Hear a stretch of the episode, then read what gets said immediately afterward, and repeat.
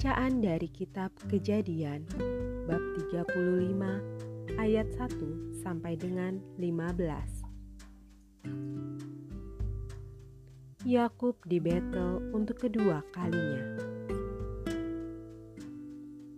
Allah berfirman kepada Yakub, "Bersiaplah, pergilah ke Betel, tinggallah di situ dan buatlah di situ mesbah bagi Allah."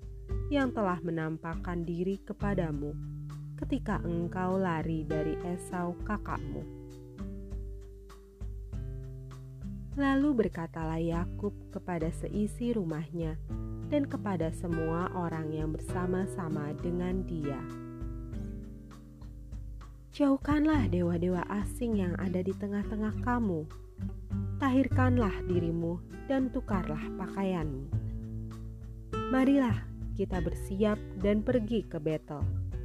Aku akan membuat mesbah di situ bagi Allah yang telah menjawab aku pada masa kesesakanku dan yang telah menyertai aku di jalan yang kutempuh.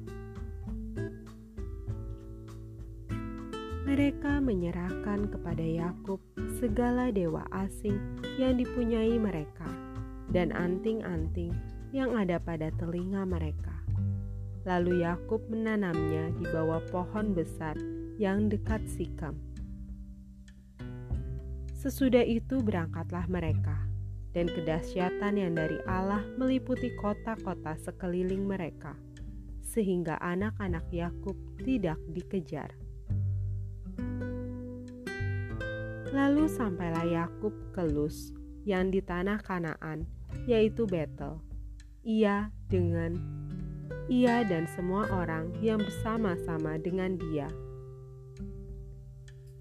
Didirikannya lah mesbah di situ dan dinamainya tempat itu El Betel, karena Allah telah menyatakan diri kepadanya di situ ketika ia lari terhadap kakaknya.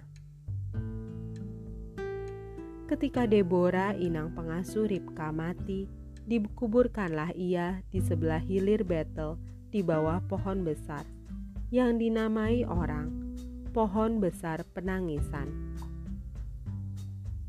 Setelah Yakub datang dari Padan Aram, maka Allah menampakkan diri pula kepadanya dan memberkati dia.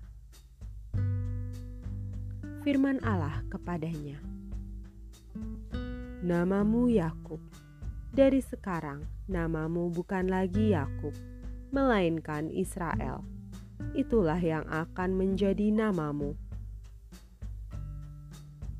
Maka Allah menamai dia Israel.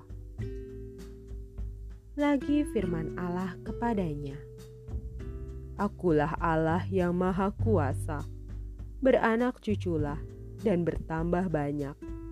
Satu bangsa, bahkan sekumpulan bangsa-bangsa, akan terjadi daripadamu, dan raja-raja akan berasal daripadamu. Dan negeri ini yang telah kuberikan kepada Abraham dan kepada Ishak akan kuberikan kepadamu dan juga kepada keturunanmu. Lalu naiklah Allah meninggalkan Yakub dari tempat ia berfirman kepadanya. Kemudian Yakub mendirikan tugu di tempat itu, yakni tugu batu. Ia mempersembahkan korban curahan dan menuangkan minyak di atasnya. Yakub menamai tempat di mana Allah telah berfirman kepadanya, Betel. Demikianlah sabda Tuhan. Syukur kepada Allah. thank you